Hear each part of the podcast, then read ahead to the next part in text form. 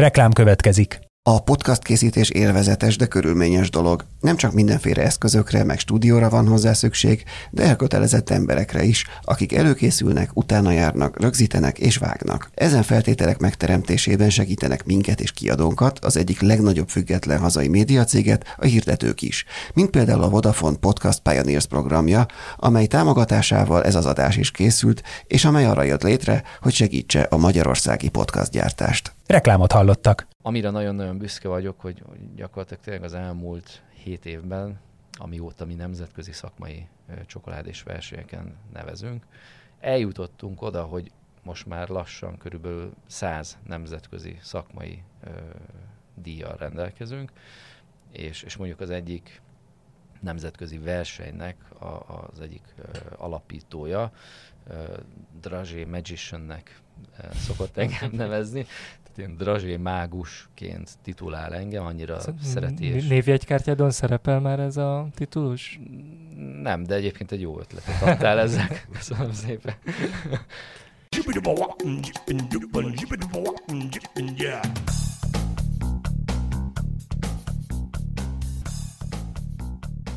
Üdvözlöm a hallgatókat, ez itt a 24.hu filéző podcastja. Én Inkei Bence vagyok, a műsorvezető társam Jankovics Márton. Sziasztok! Mai vendégünk pedig Mészáros Gábor, a Sokomi Csoki, Csoki Manufaktúra alapítója, vezetője. Igen, üdvözlök én is mindenkit, köszönöm szépen a meghívást.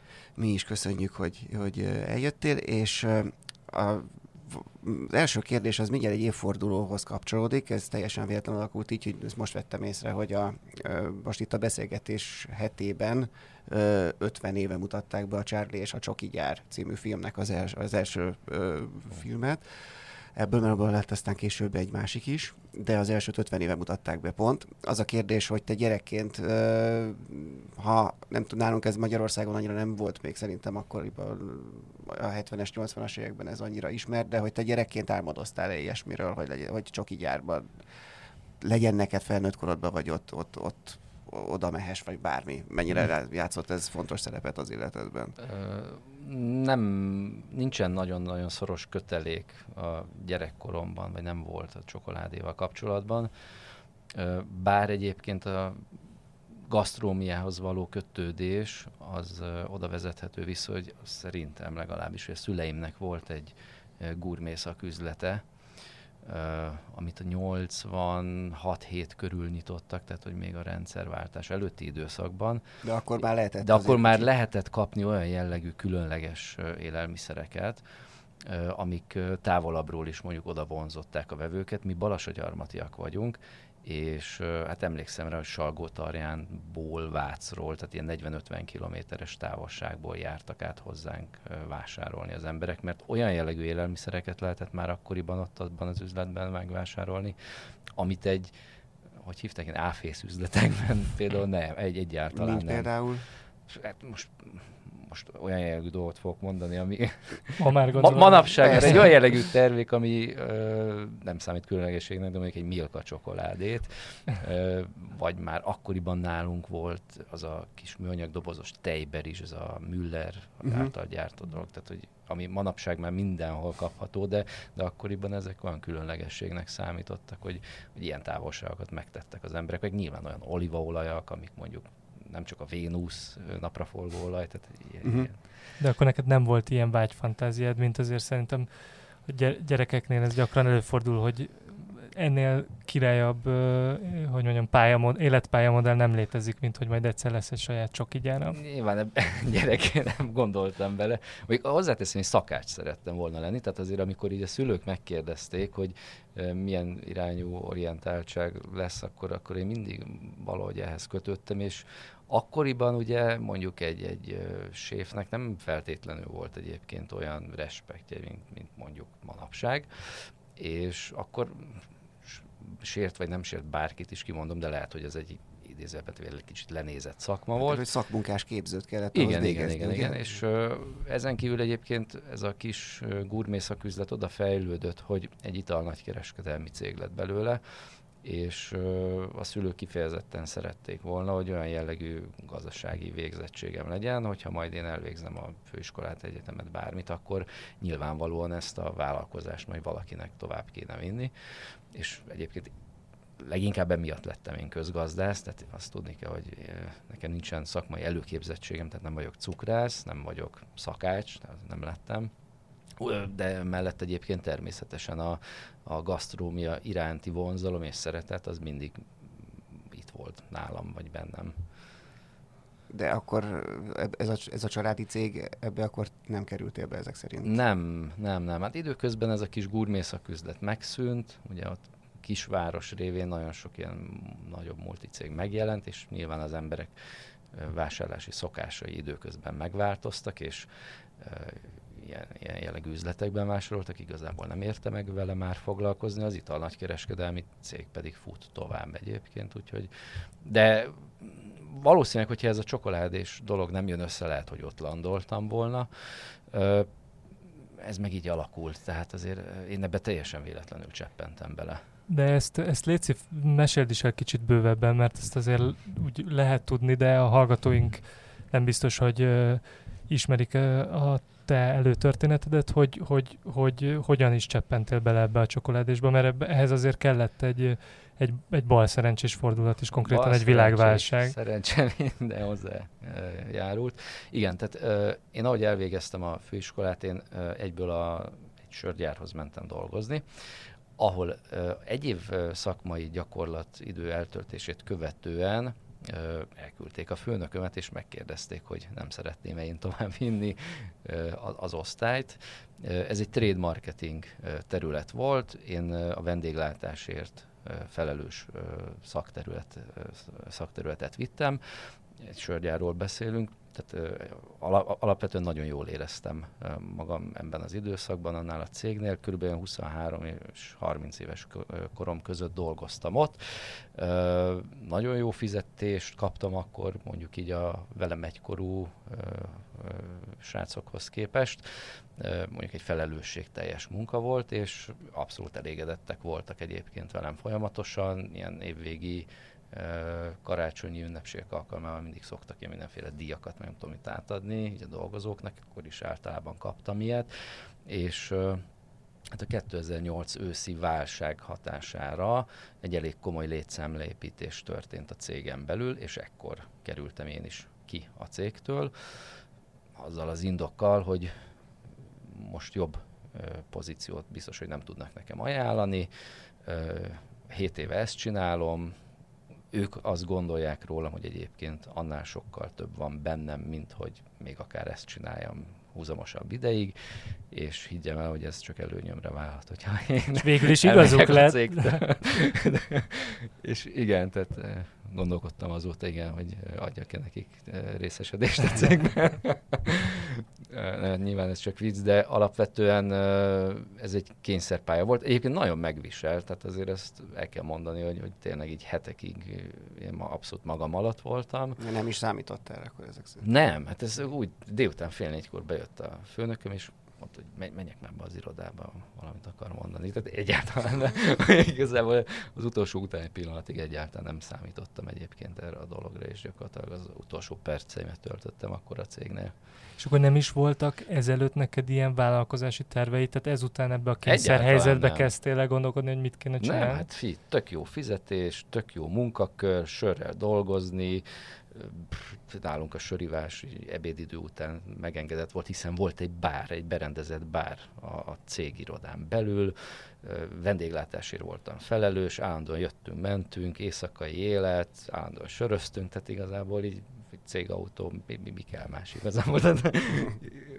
Teljesen jól éreztem magam, eszem ágában sem jutott elmenni a cégtől, és nyilvánvalóan a, a válság időszaknak köszönhetően nagyon nehéz volt munkát találni, hiszen jellemzően abban az időszakban, amit én észrevettem legalábbis, nem vettek föl a cégek külsős munkaerőt, hogyha volt is egy megüresedés, akkor mondjuk azt általában házon belülről oldották meg, ahogy én észrevettem. Tehát nagyon-nagyon nehéz volt hasonló jellegű munkakörben elhelyezkednem.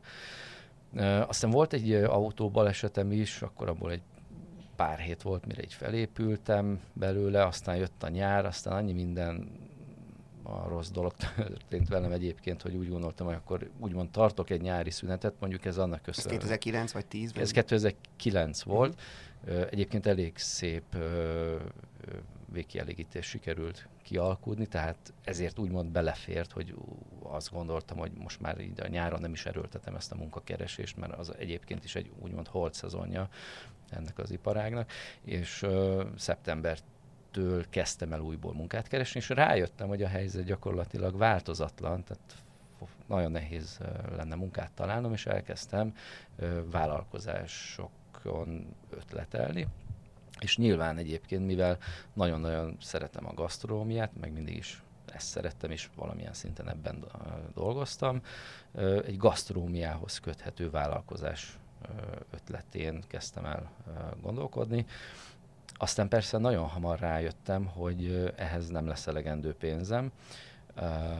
Leginkább egyébként olyan jellegű street food kajádában gondolkodtam, ami a akkoriban egyáltalán nem volt, nem is létezett itthon ez a kategória.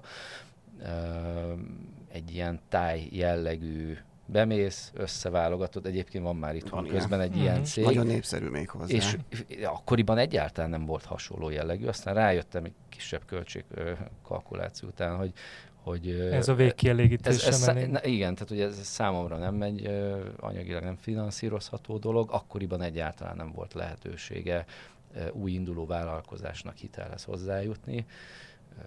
Tehát itt tényleg én emlékszem rá, hogy akkoriban ezek a ilyen államcsőd közeli plegykák, meg ilyen jellegű dolgokat lehetett hallani, meg akkoriban emelkedett föl hirtelen, nem tudom, ilyen 250 forintról 320 forint körüli ö, magasságokig az euró árfolyam, tehát aminek most nagyon örülnénk, de akkoriban ez egy váratlan esemény volt, és, és, és nagyon hamar rájöttem, hogy ez nem fog működni, de nem adtam föl, és újabb és újabb területeket így vizsgálgattam meg, hogy mi az, ami szóba jöhet. És igazából azért döntöttem leginkább a csokoládé mellett, mert miután megnéztem, hogy egy ilyen manufakturális körülmények között működő ö, üzemnek milyen ö, eszköz igénye, szükséglete van, és hogy lehet egy ilyen jellegű vállalkozást elindítani, akkor rájöttem, hogy gyakorlatilag ez mondjuk egy olyan terület lehet, ami mondjuk még az én saját magam finanszírozásával is megvás, megvalósítható.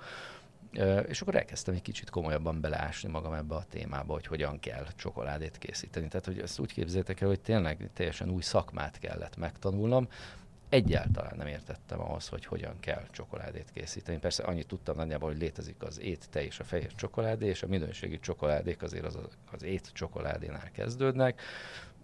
Nagyjából ennyit tudtam egyébként erről a területről. Volt egyébként más alternatíva is a csokoládén kívül, ami komolyan szóba jött, vagy ez volt az egyetlen, ami, ami a te háttereddel megvalósítható? Mm, alapvetően ez volt az egyetlen komoly. Tehát nagyon más ötletem ezen a street food jellegű dolgon kívül nem volt. Tehát igazából, mivel, és akkor úgy éreztem ősszel, hogy, hogy ebben nagyon gyorsan bele kell fogni. Azt tudtam, hogy a karácsonyi szezonról úgymond már így lecsúszik az ember. Szerettem volna húsvétre egyébként az indulást összekalapálni, ez nem jött össze, tehát azért így elég maximalista vagyok, és nem szerettem volna egy félkész brandet, nem volt megfelelő még a weboldal, nem alakult ki pontosan a termékkoncepció, sem a csomagolás, úgyhogy inkább csúsztattam a dolgot, és akkor így 2010 június 21-én egy ilyen kánikula hőhullám kellős közepén, amikor ilyen 38 fokos hőség tombolt, gyakorlatilag azon a napon indítottam el a weboldalt, és lett publikus a dolog, és lehetett rendelni nálam csokoládét. És ez a, és ez a beletanulás, amit mondasz, hogy ezt így akkor felnőtt fejjel kellett elkezdened, ez, ez hogy néz ki azon túl, hogy elolvasom a Csokoládé nevű Wikipédia oldalt, és esetleg megveszek egy-két könyvet, amit, amit tehát, tehát, hogy, hogy uh, mentél külföldre nézni, szóval így valódi csoki üzemeket, vagy akár Magyarországon, nem tudom milyen állapotban volt akkor, hány csoki manufaktúra létezett egyáltalán itthon? Elég komoly piackutatást végeztem ezen a területen, és azt tegyük hozzá, egyébként nekem van egy második diplomám is, ami egyébként a vendéglátáshoz köthető, de én mindig azt szoktam mondani, hogy a sörgyárnál eltöltött idő, az mondjuk szerintem nagyjából fölért egy harmadik diplomával. Ugye én trade marketinggel foglalkoztam, ez a kereskedelmi terület marketingelését jelenti, és nagyon szoros együttműködésben dolgoztunk mi például a marketing osztályjal, és nagyon pontosan beleláttam abba, hogy hogyan zajlik egy termékfejlesztés a kezdetek kezdetétől, tényleg a nulladik ponttól, onnantól kezdve, hogy az ötlet felmerül, hogy egy X terméket gyártani szeretném majd. És az ott szerzett tapasztalatokat nyilván én abszolút tudtam kamatoztatni a saját vállalkozásomban. És igen, tehát egy elég komoly piackutatást végeztem, mind a hazai, mind a külföldi területen, hogy, hogy a manufakturális jellegű kis csoki készítők hogyan működnek, milyen jellegű termékeket készítenek, mi szükséges a gyártáshoz, milyen eszközök szükségesek, stb. stb. Itthon egyébként nem volt nehéz a feladat, mert akkoriban szerintem három-négy ilyen kis manufaktúra működött, külföldön nyilván már sokkal több, tehát azért a külföldön mondjuk Belgiumban, Franciaországban, Olaszországban, ezt úgy kell elképzelni, hogy minden településen van egyébként egy kis csoki manufaktúra, tehát ez mint egy gyógyszertár, hogy ez kell. Itthon ez sajnos nem így működik. És, és persze autodidakta módon történt első körben egyébként a szakma feltérképezése és annak az elsajátítása. Aztán nagyon gyorsan és hamar rájöttem, hogy, hogy az itthoni elérhető magyar nyelvű szakirodalom az gyakorlatilag egyenlő a nullával. Aztán elkezdtem külföldi weboldalakon információhoz hozzájutni, YouTube csatornán, vagy ilyen különböző csatornákon a, a csokoládé alapjaival kapcsolatos információkat elsajátítani, de azért úgy éreztem, hogy, hogy ez, ez nem tökéletes, és nem, nem, nem, nem hoztam ki ebből úgymond a maximumot, és akkor az egyik ö, csokoládé beszállítóm, az egyik csokoládé alapanyagunknak az importőre segített abban, hogy Belgiumba kiussak egy nagyon híres és nagyon neves belga csokoládé készítőmesterhez ö, ilyen csokoládés kurzusra, és ez volt az első olyan komolyabb lépés, ami abba az irányba terelte egyébként itt a sorsunkat, hogy, hogy, hogy ez egy abszolút minőségi csokoládé készítő műhelyé váljon. Ez természetesen a maga tanulási folyamat nem állt meg. Voltak olyan évek, amikor egyébben két-három alkalommal is részt vettem különböző ilyen, ilyen csokoládés szakmai kurzusokon, jellemzően Belgiumban, Franciaországban, illetve Olaszországban. És, nyelveket kellett ehhez? Angol nyelven angol is, z- igen, igen, tehát vannak dedikált, nem tudom, francia, német, angol nyelvű kurzusok, és akkor ezekre hmm. így be lehet jelentkezni. Hát én az angolt beszélem olyan szinten, tehát sajnos egyébként a franciát, nem ami mondjuk a csokolád és szakmai nyelv a világon, tehát hogy igazából ugye mind a belga, mind a francia régió nevezhető szerintem így a minőségi csokoládé készítésnek a, a központjának. A Svájc. Ők teljesen más jellegű Igen? csokoládét készítenek, jó minőségű csokoládét, de ők inkább ezt a nagyon teljes és nagyon édes, ez a klasszikus alpesi típusú uh-huh. csokoládé, ami hozzáteszem nekem nem tartozik egyébként a kedvenceim közé. Nem feltétlenül szeretem az édességeket, vagy az édes dolgokat, és azért a mi csokoládéink, hogyha mondjuk így megkérdezünk régi törzsvevőket, hogy mit szeretnek mondjuk a mi termékeinkben, akkor azért nagyon nagy részben az a válasz jön, hogy ha nem is csokoládét kóstolnak, vagy választanak a mi csokoládéink közül, de nekik azt tetszik, és azért ízlik nagyon, mert egyáltalán nem édesek a csokoládé termékeink. Nyilván ez az én saját ízlésemet és ízlésvilágomat tükrözi. Tehát minden egyes termékfejlesztés, amit ö, véghez viszünk, így a cégen belül, alapvetően az, az én saját ötletem, saját gondolatom, a saját ízvés világomnak a, a tükrözése. Igen, de akkor tehát, hogy mert te nem csak ebbe a termékfejlesztés részébe ö, veszel nyilván akkor részt, mert mint olyan értelemben, hogy a trade marketing, ami felől jössz, hogy így a koncepciót kitalálni, hanem effektíve te kóstolgatod a tonka babot össze, nem tudom én milyen csokoládéval, és találod ki, hogy egy drazsé vagy egy új, nem tudom én milyen uh, csokoládé hogyan, miből álljon össze, és hogyan nézzen ki. Igen, abszolút én. Sokszor meg szokták kérdezni, hogy és ki csinálja a marketinget, és a külföldi dolgokat, és a rendezvényeket, és a terméket kifejleszti, és a csomagolás, és a webold, és mondja azt, hogy hát, hát alapvetően én, tehát hogy nincs úgy dedikált De lehet ember ezt erre. egyébként? Nincs egy szint, ahol ezt már, ezt már nem lehet lefedni az összes területet? Persze vannak segítségek, tehát azért ez Mennyien dolgoztak most a cégnél? Úgy mondom, hogy 2019, vagy Covid előtti időszakban mondjuk a szezonban már al- alulról karcoltuk a 40 főt, ami, ami sok. És a szezon az az, az ősz. Igen, ez a már gyártás szempontjából már az augusztus közepe, és egészen egyébként ugye nekünk, tehát a karácsonyig az egy csúcs szezon, mondjuk egy, egy, a teljes éves forgalomnak körülbelül a 65%-a Ez olyan, mint a könyvpiac. zajlódik, vagy zajlik le az utolsó négy hónapban. Ott még lehet, hogy akár több is egyébként. És, és akkor ugye a január az még mindig erős, mert gyakorlatilag minden partnerünknél nulla a készlet, akkor utána jön egy Valentin nap, majd következik egy nőnap, majd jön a húsvét, akkor utána van egy pici visszaesés, akkor a június még egyébként, a június eleje azért szokott még relatíve jó lenni, erős lenni, mert pedagógus nap, Ballagás. ballagás évzárók, stb. stb. És gyakorlatilag június közepétől, harmadik hetétől jön egy drasztikus beszakadás, ami eltart körülbelül egy ilyen augusztus közepéig. Tehát nekünk van nagyjából 7-8 olyan hetünk, amikor uh, hát most ma, Üres, üresen vannak a szalagok. malmoznak az emberek, de mondjuk egyébként nyilván ilyenkor is ö, találunk munkát, ilyenkor szoktunk abszolút ilyen nagy takarításokat végezni, az öntőformák eltakarítását. Ebben az időszakban a nyomdától nem összeszerelve, hanem lapra szerelve, vagy lapon jönnek a csomagolódobozok, ilyenkor így direkt így kérjük, hogy valami munkával ki tudják tölteni a napot a dolgozók, és csomagoló dobozokat hajtogatnak, tehát azért sosem unatkozunk, mindig föltaláljuk magunkat. És mi volt, a, amikor, el, amikor elindítottad, akkor milyen ízek, akkor mi, mi volt a, gondolom akkor nem volt sok íz vagy ilyesmi, ja. akkor mi volt az alaptermék, amivel indultál? A kezdetek kezdetén csak és kizárólag táblás csokoládékkal foglalkoztunk, ami három éven keresztül tartott. És azért három éven keresztül tartott egyébként, mert na, ö, nagyon-nagyon sok ö, másoló jelent meg egyébként a piacon, és nem csak itthon, hanem a külföldi piacokon is.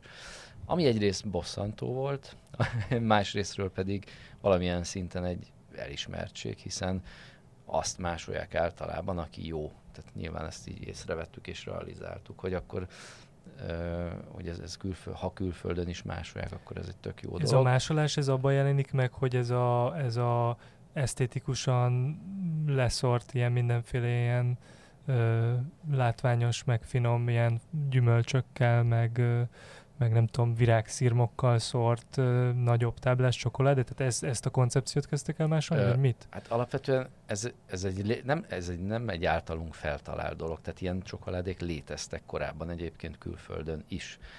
De amit én észrevettem, hogy általában ezek a kézzel megszórt, ízesített csokoládék egy, általában egy ízzel. Tehát vagy volt egy mogyoró, vagy volt egy, nem tudom, aszalt vörös áfonya rajta, vagy egy rózsaszírom, mondjuk Franciaországban az már egy régebb óta népszerű összeállítás, de mondjuk azt korábban nem igazán csinálták a többiek, hogy különböző fűszereket, gyümölcsöket, és mondjuk liofilizált gyümölcsöket, amiket mi használunk, vagy ha kezdtünk el használni, meg magvakat, meg virágszírmokat párosítanak úgy, hogy az egyrészt nyilván egy izgalmas gasztronómiai élményt nyújtson a fogyasztónak, illetve mi még arra is nagy hangsúlyt fektettünk mindig, hogy ezt egy rendkívül esztétikus módon tettük meg, és nagyon odafigyeltünk arra, hogy hogyan helyezzük el a táblás csokoládék felületén a különböző összetevőket.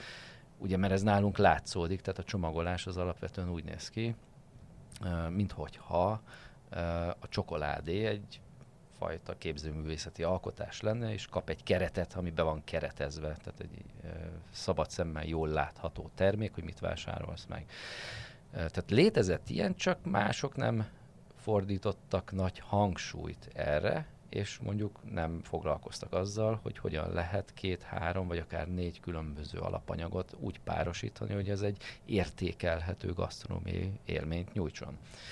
És igen, tehát egyrészt a csomagolás részről kezdtek el minket utánozni, tehát nagyon sok olyan ö, csomagolás megjelent, ami ö, túlságosan hasonlított a mi ö, elképzelésünkre, illetve elkezdtek mások is így különböző módon díszíteni, ízesíteni csokoládékat, mint mi. Tehát azért ennyire szemmel láthatóan hasonló dolog nem volt korábban.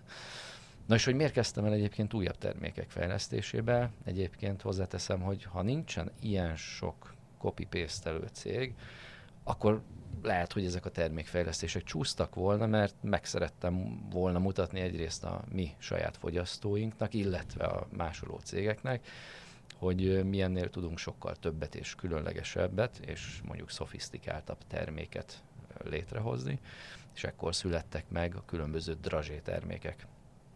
Uh, nyilván körbe jártam azt, hogy akár itthon, akár külföldön milyen drazsé jellegű termékeket lehet kapni.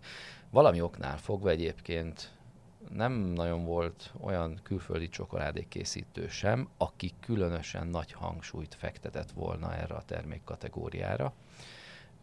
Általában tényleg annyiban kimerültek a dolgok, hogy mogyorót drazsíroztak két csokival, mandulát tejcsokoládéval, vagy fordítva, de, de igazából nem volt jellemző az, hogy egy komolyabb, szofisztikáltabb ízkombinációkból álló drazsé összeállítás készüljön, és én ezen a vonalon indultam el, és amire nagyon-nagyon büszke vagyok, hogy, hogy gyakorlatilag tényleg az elmúlt hét évben, amióta mi nemzetközi szakmai csokoládés versenyeken nevezünk, eljutottunk oda, hogy most már lassan körülbelül 100 nemzetközi szakmai ö, díjjal rendelkezünk, és, és mondjuk az egyik nemzetközi versenynek a, az egyik ö, alapítója, ö, Dragé Magiciannek ö, szokott engem nevezni, tehát ilyen Dragé mágusként titulál engem, annyira Szereti szereti. És... Névjegykártyádon szerepel már ez a titulus? Nem, de egyébként egy jó ötletet adtál ezzel. Köszönöm szépen. Tehát így, így, így szokott titulálni és nevezni, és nagyon-nagyon örül neki, hogy így felbukkantunk, mert, mert tényleg azt mondta nekem itt több alkalommal személyesen is egy, egy ilyen uh, diátadó során, hogy egészen elképesztő, hogy milyen ötletes ízeket és különleges drazsé termékeket uh, szoktunk alkotni. És akkor ezeket mind te találod ki általában? Így van, így van. Tehát minden egyes termék fejlesztés egynek van egy magja, és ez lehet egy csokoládé alapanyag, ez lehet egy fűszer, ez lehet egy gyümölcs, és akkor mindig e köré épül a termékfejlesztés. S nagyon sok időt szokott általában igénybe venni egy ilyen jellegű dolog. Ez mondjuk általában fél év, de van, amikor ez több idő is. Tehát, hogy mire egyált, az a nagyon sok idő egyébként, mire fejben megszületik, és fejben összerakod, és megalkotod, az alkotó részeket összehozod. Nem az szokott egyébként sok időt igénybe venni, hogy, hogy fizikailag elkészítsed a drazsé terméket. Tehát azért az esetek nagyon nagy részében már fejben eldől, hogy mi az, ami működik, mi működhet. Persze voltak már meglepetések, tehát hogy mondjuk két különböző alapanyag ízharmóniája nem feltétlenül úgy jött elő, mint ahogy azt mondjuk mi elképzeltük. Itt volt olyan eset, hogy akár egy éven keresztül is elhúzódott így ennek a terméknek a fejlesztése. Egyébként az egyik legnépszerűbb termékünk született meg így, de szerintem már legalább a 20. variáció volt, mire, mire ez így, így kialakult. Elmondod, melyikről van szó, csak hogy a Ö, hallgatók is? Van egy olyan drazsé termékünk, ő itt, én közben én úgy hoztam belőle nektek mintákat. Ez egy ö, ö, szicíliai túnó típusú mandula, drazsírozva, egy szőke csokoládéval, amiben egy pici gerancsót kevertünk, illetve hántolt ostya van még belekeverve felolvasztott csokoládé masszába, és amikor elkészülnek a drazsé szemek, ugyanebbe a hántolt csokoládé halomban hempergetjük meg a drazsé ettől egy jó kis ropog, még ropogósabb textúrája lesz a drazsénak, illetve azért a szőke csokoládénak van egyfajta édes íze, de nem nevezném édesnek, ezt valamilyen szinten ellenpontozzuk egy Ez kis gerancsóval. Mi Igen. az, hogy szőke csokoládé? Szerintem sokan nem tudják én sem. Igen, a szőke csokoládé alapvetően egy olyan fehér csokoládé, amiben karamellizálva van a cukor nagyjából így lehet ezt És ha jól tudom, ez is egy baleset eredményeként igen. született. Ez nem, nem, értem, nem, nem, nem, a mi termékfejlesztés, hanem igen, egy Franciaország. Így van, így van. Egy francia csokoládékészítő cégnek, egy nagyon-nagyon különleges minőségű csokoládékat gyártó cégnek a fejlesztése 2012-ben jelentek meg ezzel a piacon és alapvetően ott valami olyan műszaki hiba történt a fehér csokoládé feldolgozása során, hogy valamilyen termosztát nem működött, vagy nem működhetett, és elszállt a hőmérséklet, és karamellizálódott, annyira fölmelegedett a csokoládé, hogy karamellizálódott benne a cukor. Aztán rájöttek, hogy egyébként nincs is rossz íze, csak a folyamaton kéne egy kicsit finomítani, ahhoz, hogy mondjuk ebből egy értékelhető végtermék legyen és igen, tehát hogy nagyjából ezt úgy kell elképzelni, hogy, hogy a csokoládénak lesz egy kicsit ilyen karamellás, picit ilyen kekszes jellegű ízjegye. Én először, amikor ezzel a termékkel Londonban találkoztam, 12-ben egy kicsit szkeptikus voltam, és furcsáltam is, hogy, hogy egy olyan cég, aki egyébként arról híres és arról nevezetes világszerte, hogy termőterület szelektált kakóbabokból készült étcsokoládék készítésével foglalkozik, és számtalan Michelin csillagos éttermet lát el egyébként csokoládéval, ugye amikor egy desszertet készít egy ilyen jellegű étterem, hogy, hogy pont egy fehér csokoládé fejlesztésébe fogott, és akkor így elkezdtem én is ezen ötletelni, hogy, hogy alapvetően jó ízvilágú csokolád, és hogy mit lehetne ebből kihozni, és egyébként ez volt az első szőke csokoládés termékünk, és gyakorlatilag a, a második az értékesítési listánkban. És uh, ahogy az előbb elmondtad ezt a drazsét, hogy mi, mi, mi van benne, ezek tényleg már olyanok, hogy már így, így kimondva is ilyen izé, összefut az ember szájában a nyelv, de, de nyilván nem a szavakon múlik a dolog, de az a kérdésem, hogy mind múlik leginkább szerinted? Tehát az alapanyagok számítanak a leginkább, vagy egy olyan eljárás, nyilván azt tudjuk, hogy az esztétika az a sokominél is sokat számít, de hát mégiscsak alapvetően, amit az ember a szájába vesz, az ízek számítanak igazán, de abban mi a, mi a meghatározó? A megfelelő alapanyagoknak az össze válogatása, és itt a megfelelő arányoknak a használata. Szerintem ezt így lehet a legegyszerűbben megfogalmazni. És amit mondtál, hogy az esztétikum is számít, tehát a csomagolás is számít, ezt én abszolút aláírom.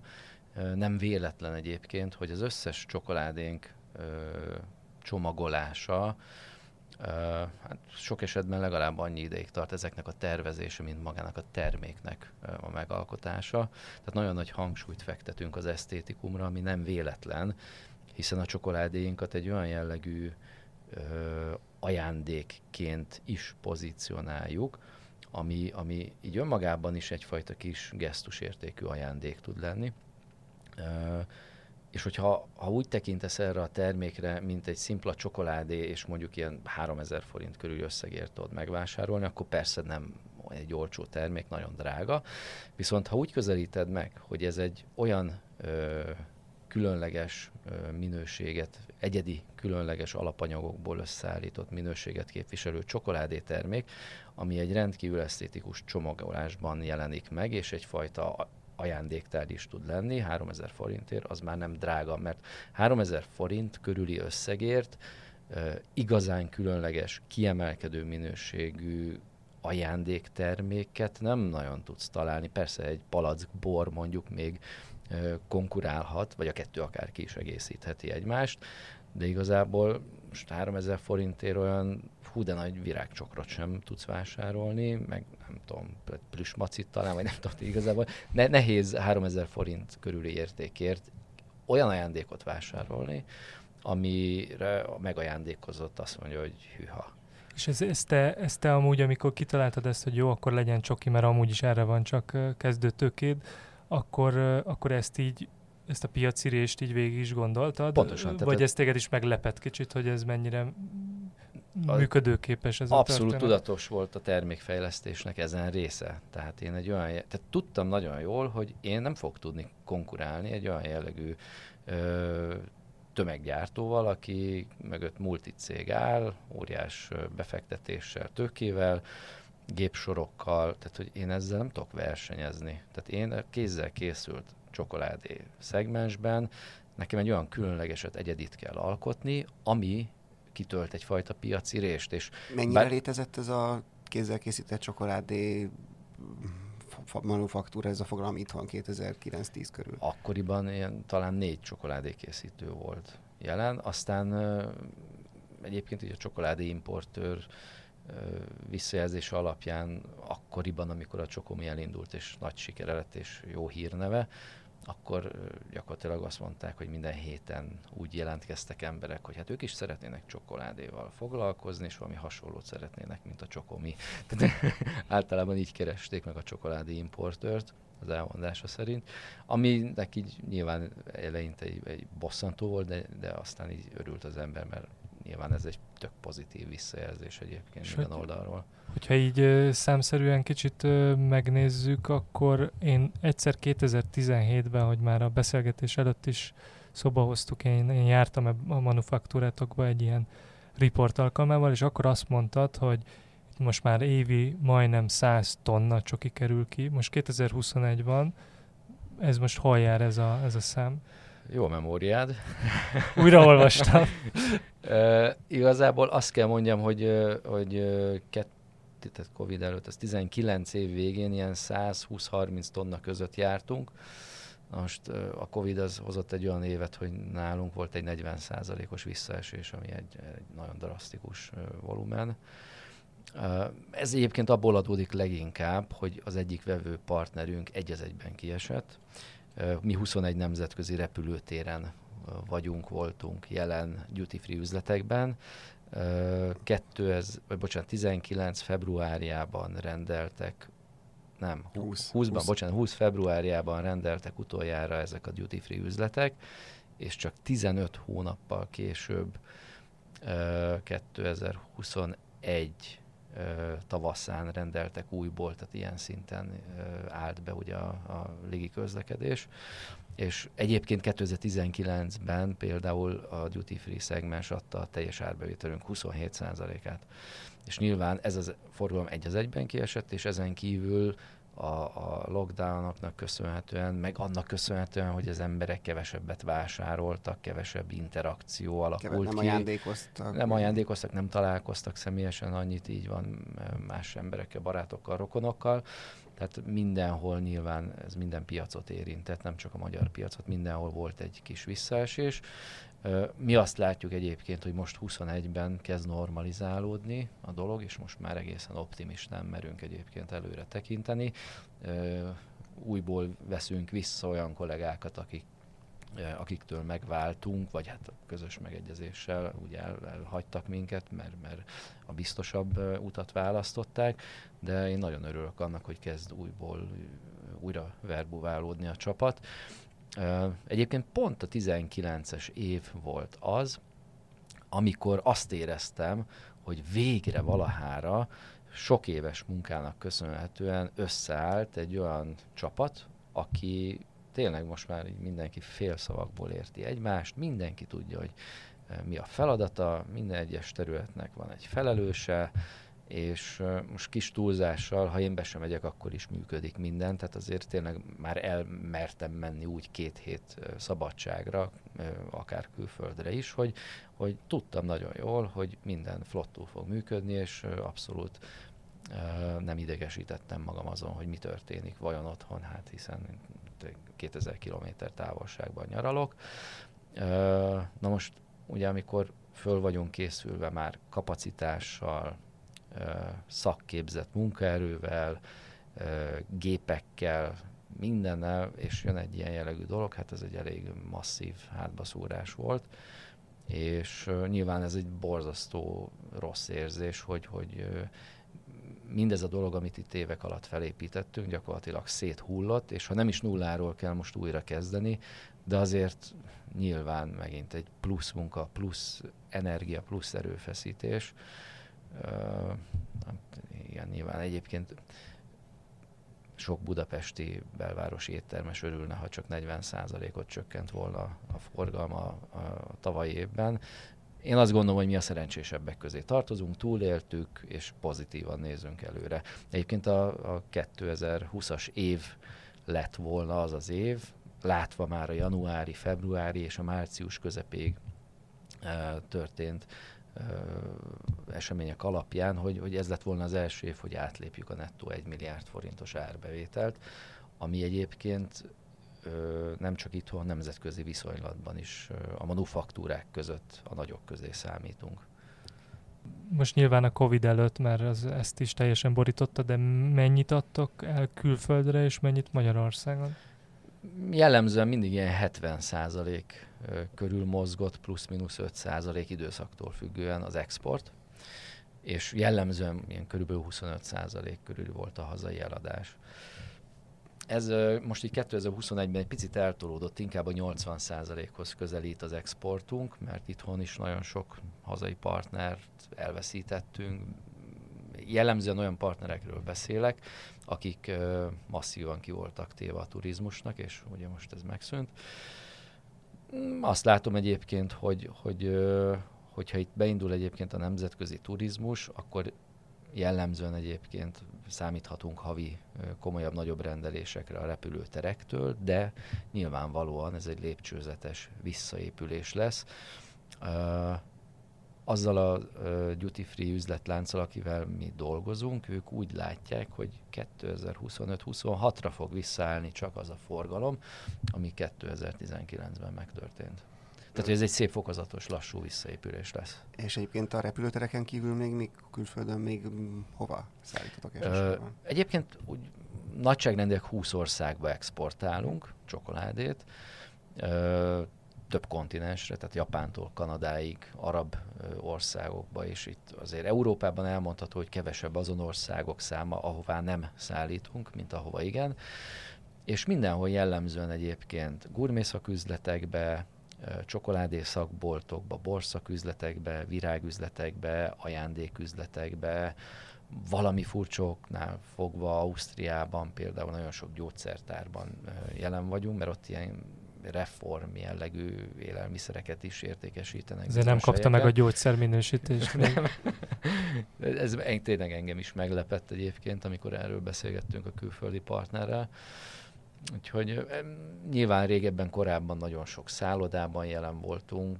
Egyrészt így szoba bekészítésként a vendégek kaptak egy kis apróságot, ajándékot, vagy a szállodákhoz tartozó ilyen szuvenírshopban, ajándéküzletben is elérhetőek voltunk. A, az, mm, nem tudom, hogy mennyire van neked még szükség bármekkora akaraterőre ahhoz, hogy ne csapd el a gyomrodat, hogyha kipróbáld ezeket a, a saját termékeidet, vagy pedig ezzel már évek óta egy ilyen sima munkaként tekintesz, és, és nem ez nem probléma. Nem esel kísértésbe, Igen. amikor beszabadulsz? Hát az, azt tudni kell, hogy ugye amikor egy terméket fejlesztünk, akkor nagyon sokat kóstolok. De az egy úgymond nehéz időszak abból a szempontból, hogy ha mondjuk tudom, hogy aznap sokat fog kóstolni, akkor mondjuk csak egy minimálisat reggelizek, és csak sósat. És alapvetően a csokoládé kóstolás közben azért elég durván el lehet telítődni és ilyenkor ilyen általában ropit szoktam. Tehát, hogy igazából nem vagy éhes, de valami sósra vágysz. És ropit, vagy ilyen sajtos, ostya, vagy nem tudom, hogy hívják ezeket, tehát ilyen jellegű dolgokat szoktam csak enni. Egyébként a saját termékeimet általában nem szoktam kóstolni, kivéve ha esetleg külföldi rendezvényen részt veszünk, és, és amikor nincs idő elmenni a rendezvény során ebédelni, akkor, akkor nyilván belecsipegetek mondjuk a, a mi saját termékeinkbe, és gyakran előfordul, hogy egy-egy saját termék megkóstolása, vagy újrakóstolása között eltelik akár fél év is, és, és, és akkor így mindig rádöbbenek, hogy azt a mindenit milyen finom. Tehát, hogy és ilyenkor jut eszembe az, hogy, hogy az a vásárló, az a fogyasztó, akit mondjuk így megkóstoltatunk a rendezvény során, és életében először találkozik vele, hogy ő milyen ízorgiát élvezhet, mert, mert aki mondjuk első alkalommal és még soha nem kóstolta a mi csokoládénkat, mert így tök jó látni egyébként azt, hogy a pult túloldalán fogyasztók tényleg elolvadnak, összeesnek, sikítoznak, azonnal fényképezkednek a, velünk a csokoládékkal, tehát ez egy borzasztó jó visszajelzés, ezt nagyon szeretem, és mindig szerettem így eseményeken, rendezvényeken részt venni, tehát így általában én is ekkor szoktam így utókóstolni, vagy visszakóstolni a saját csokoládéinkat. Egyébként meg nagyon sok csokoládét szoktam külföldön vásárolni, amikor külföldön járok, hogy lássam, tapasztaljam azt, hogy más nemzetközi csokoládé készítő milyen trendeket követ, mit alkotnak. Persze nem azért, hogy mi úgymond lemásoljunk másokat, hanem azért, hogy tisztán lássam azt, hogy mások mit alkotnak, és mi az a piacirés, amit mi még egyébként ki tudunk használni, amiben még be tudunk férkőzni, és hogy egy olyan megkülönböztető jellegű terméket alkossunk, amit mások nem nagyon alkalmaznak. És akkor említetted, hogy hát az export teszi ki a forgalmatok nagy részét, de de akkor akár ilyen nagy csoki kultúrájú országokban is, mint én is egyszer Erasmusos fél éven voltam Belgiumban, és ott, ott láttam, hogy ott hát a csoki az, az egészen, egészen komoly része a csoki szökőkút a kirakatokban, a sétáló meg mindent, tehát tényleg mindenhol jelen van. Meg egy ilyen másik ilyen kis futó személyes tapasztaltam, hogy egyszer majdnem, mikor egy ilyen nyaraláson voltunk a családommal, egész Észak-Umbriában nem sikerült szállást kapni, mert kiderült, hogy a Perugiai Csoki Fesztivált akkor tartják, esemény, és igen. hogy így a környező településeken minden létező szállás le volt foglalva, mert arra érkeztek a világ minden tájáról. És hogy uh, nyilván ez egy egész más dimenziója, mint ahogy mi itthon kezeljük a csokit, hogy beslattyogunk a boltba sokszor, és akkor veszünk egy tábla csokoládét, hogy ennek egy ilyen sokkal szélesebb kultúrája van, de hogy, hogy, hogy lehet ezekkel versenyezni, vagy meg lehet ezekbe is a részt találni, tehát akár ilyen belga, vagy olasz, vagy francia, amit mondtál, piacokon?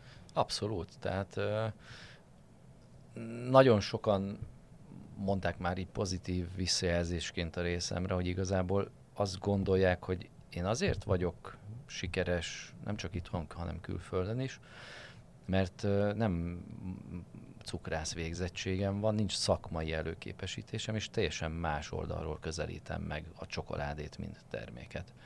Tehát, hogy én elsősorban a termékfejlesztés során mindig az, a sales és a marketing oldalról közelítem meg, és ahhoz készítem hozzá az ízeket.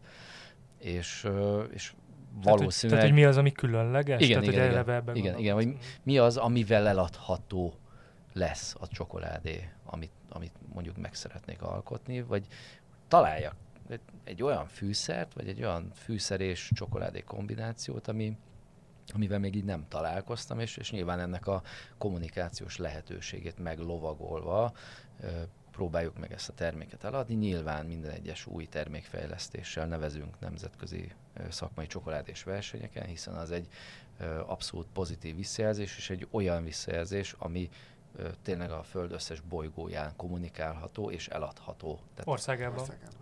Igen, igen, igen.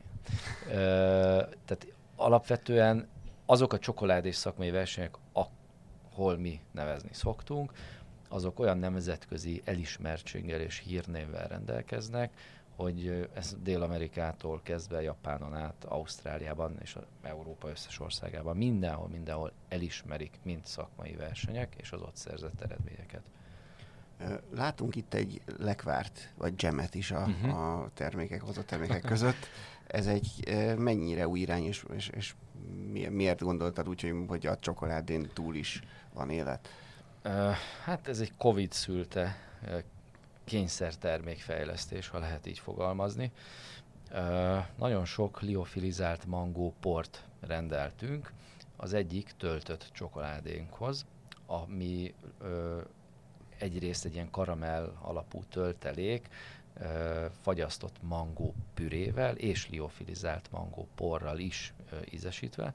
Ezért van egy nagyon-nagyon intenzív mangó íze ennek a, a csokoládénak.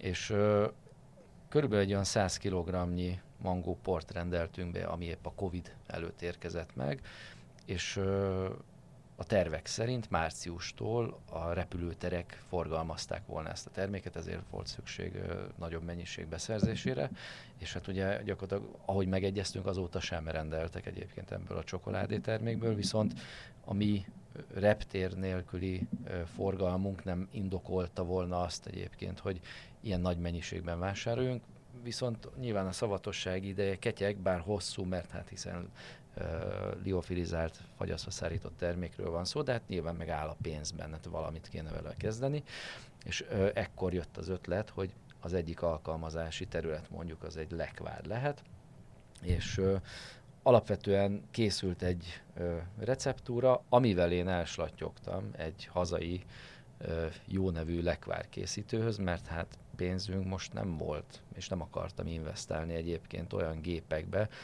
amivel mondjuk nagyobb mennyiségben főzhető és mondjuk palackba tölthető a lekvár, és gyakorlatilag megkértem, hogy ezzel a receptúrával, illetve hát az ő szakmai hozzájárulásával, ha van még bármi módosítani való, akkor, akkor csináljon nekünk bérmunkába egy lekvárt, és alapvetően így született meg a mangó ananász lekvárunk, ami egyébként, megmondom őszintén, nem várt sikert hozott, tehát olyan mennyiségben adtunk el április közepe óta ebből a termékből, hogy azonnal úgy is döntöttem, hogy akkor ki is bővítjük a lekvár választékunkat, és szeptembertől érkezünk egy, szerintem ennél sokkal izgalmasabb, mert hát hiszen ez egy kényszerszülte termék volt, de itt már egy olyan jellegű ízzel és páro, ízpárosítással, ami abszolút egyedülálló a lekvár piacon. Egyébként ez egy málna és yuzu kombináció lesz, ez egy japán citrusféle. Én nem találkoztam még Málna Júzó lekvárral. Nekem egyébként az egyik kedvenc ízpárosításom, mi már használjuk ezt egy gyümölcs zselé készítése során, és ott háromféle ízvilágú gyümölcs zselé van lemártva csokoládéval, és egy dobozba csomagolva. És nekem a három íz közül ez a málna júzú kombó az, ami az abszolút kedvencem, és így gyakorlatilag nem volt kérdés, hogy ezt megpróbáljuk átültetni egy lekvárba, és akkor készültek próbafőzetek, és egyébként felhasználva a korábbi gyümölcs zselé készítésünk tapasztalatait, ami egyébként nagyon hasonlít a lekvár készítésre, gyakorlatilag nagyon hasonló alapanyagarányokkal készítettük el ezt a málnajúzó kombinációs lekvárt, és fantasztikus tényleg abszolút egyedi és páratlan ízvilággal rendelkezik.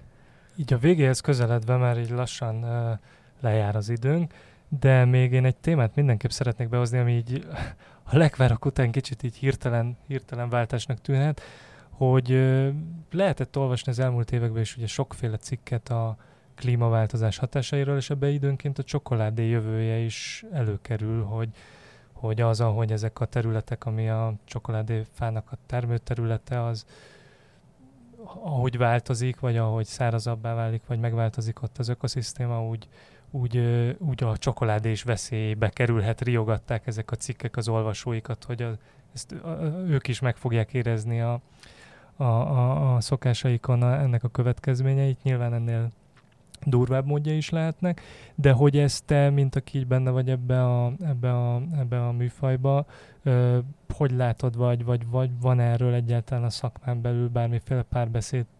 Természetesen van valóság alapja, és ö, valós a probléma. Ö, de azért azt tudni kell, hogy, tehát, hogy most vannak kakóbab termelő vidékek, területek, és vannak ilyen országok, akik erre mondjuk hangsúlyt fektetnek de amit én látok és amit én tapasztalok, hogy vannak a, a kakaóövnek nevezett, ahol a kakaó megterem, ez jellemzően egyébként a rák és a baktérítő közötti ö, terület.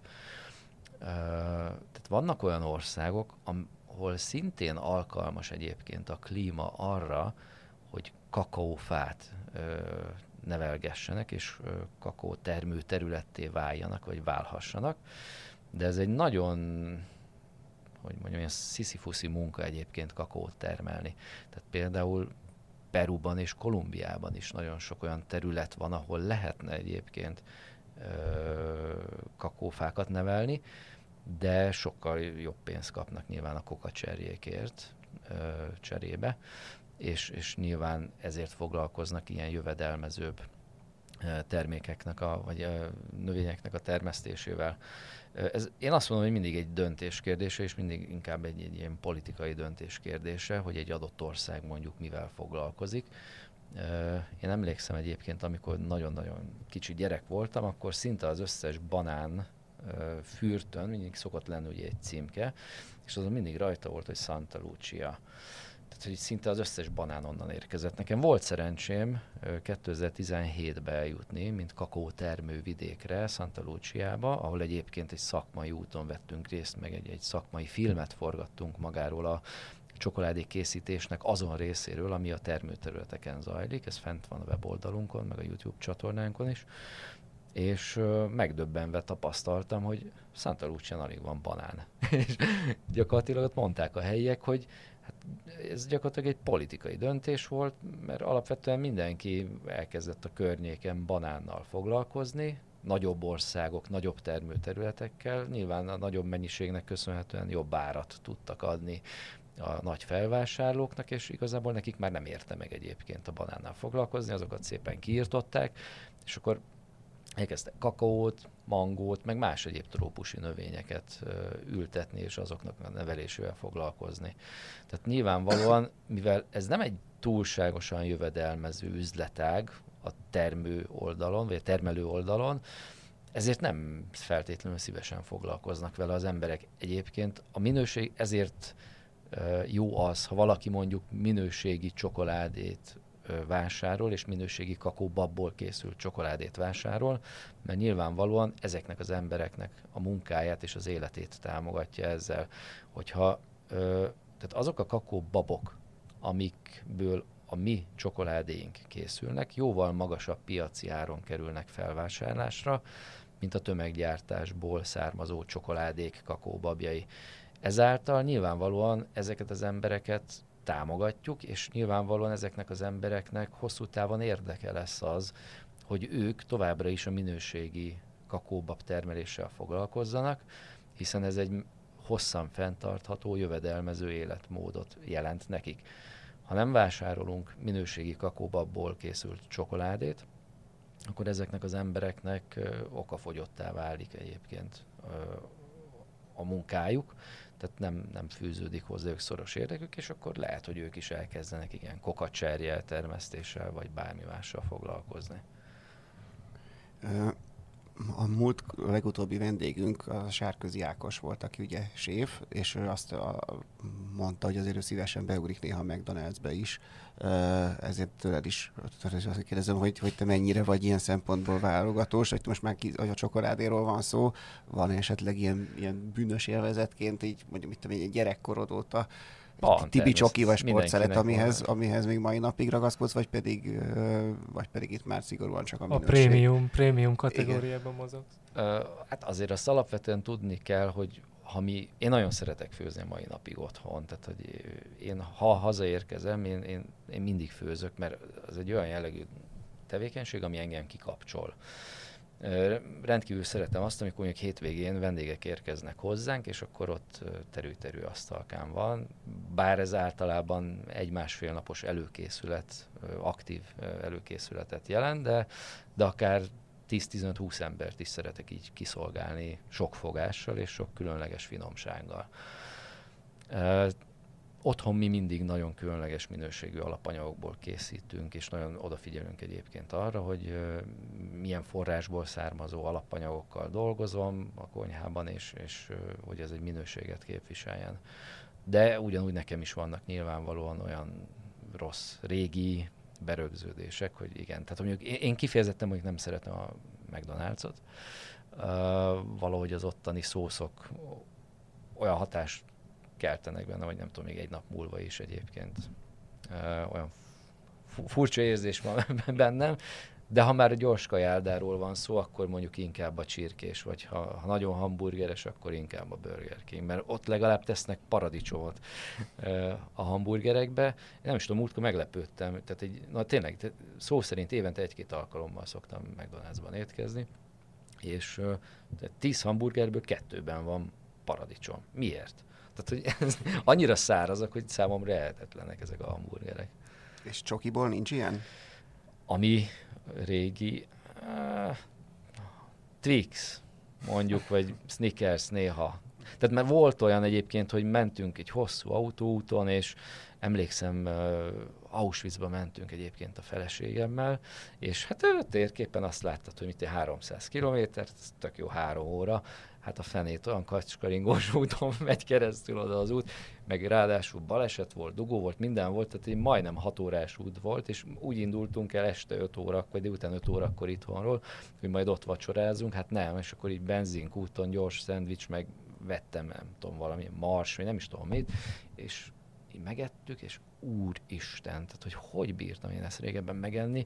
Tehát annyira borzasztóan édesek egyébként számomra most már a, a mainstream csokoládé termékek, hogy igazából még, én azt nyilván azt veszem észre magamon, de hát ez szerintem mindenkinek így van, hogy minél többet tapasztal, minél több minőségi csokoládét fogyaszt bárki, akkor jön rá, és akkor döbben rá igazán, hogy a kakaóból milyen jellegű ízeket lehet előcsalogatni. És nagyon szomorú egyébként, hogy sok esetben a cukorral próbálják meg általában ídesíteni és ízesíteni a csokoládét, holott egy megfelelő gondos eljárással a kakóbabokból akár a fermentálás, a szárítás és a pörkölés során olyan ízeket lehet egyébként előcsalogatni, hogy sok esetben így, így döbbenten tapasztalom én is azt, hogy, hogy úristen, hát ezt mégis hogy csinálták. Jó, szerintem körbejártuk a, a, a globális, meg, a, meg, a, meg az ilyen szűkebb témákat is a csokoládékkal kapcsolatban, úgyhogy nagyon szépen köszönjük Mészáros Gábornak, hogy a vendégünk volt, és nektek meg azt, hogy hallgattatok minket, továbbra is tegyétek ezt a 24.hu, illetve bármelyik kedvenc podcast felületeteken meg tudjátok hallgatni a korábbi adásokat is. Sziasztok! Sziasztok! Köszönöm szépen a meghívást, sziasztok!